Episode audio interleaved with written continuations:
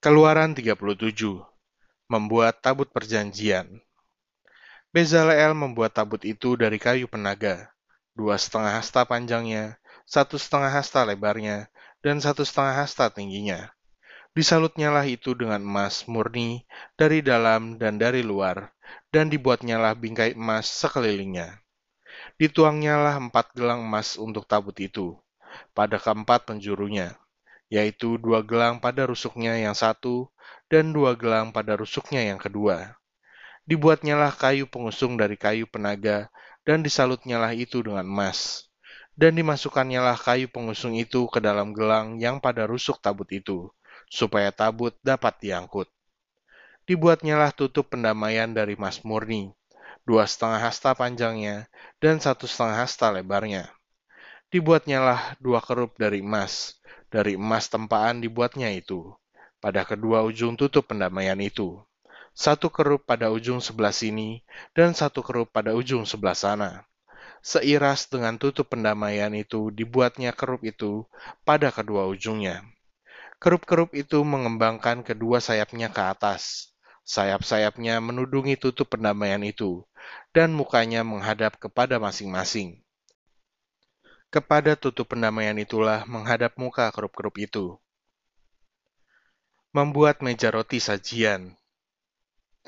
Dibuatnyalah meja itu dari kayu penaga, dua hasta panjangnya, sehasta lebarnya, dan satu setengah hasta tingginya. Disalutnyalah itu dengan emas murni, dan dibuatnya bingkai emas sekelilingnya. Dibuatnyalah sekelilingnya jalur pinggir yang setapak tangan lebarnya, dan dibuatnya bingkai emas sekeliling jalur pinggirnya itu. Dituangnyalah untuk meja itu empat gelang emas, dan dipasangnyalah gelang-gelang itu di keempat penjurunya, pada keempat kakinya. Dekat ke jalur pinggirnya lah gelang itu, yakni tempat memasukkan kayu pengusung, supaya meja itu dapat diangkut.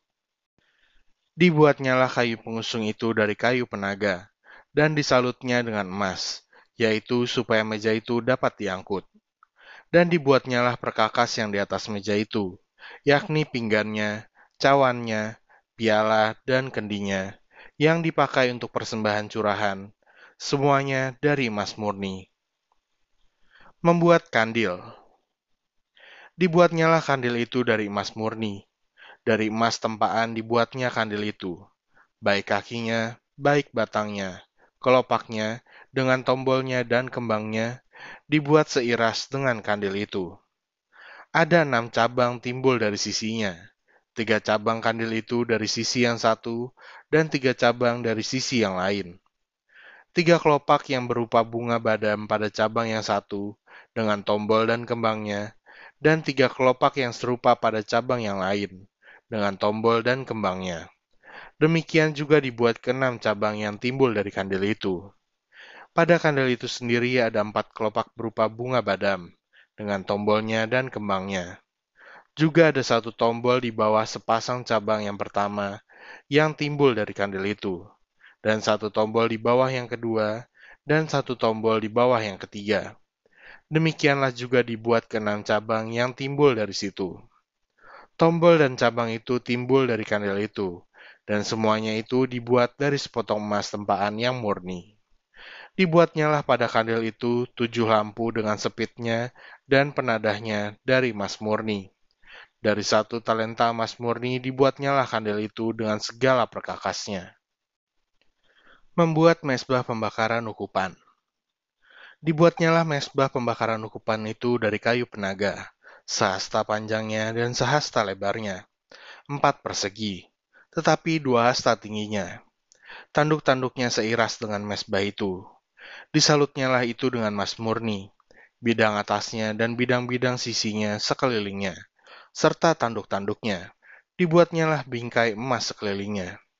Dibuatnyalah dua gelang emas untuk mesbah itu di bawah bingkainya, pada kedua rusuknya, pada kedua bidang sisinya, sebagai tempat memasukkan kayu pengusung, supaya dengan itu mesbah dapat diangkut. Dan dibuatnyalah kayu pengusung itu dari kayu penaga dan disalutnya dengan emas. Membuat minyak urapan dan ukupan dari wangi-wangian.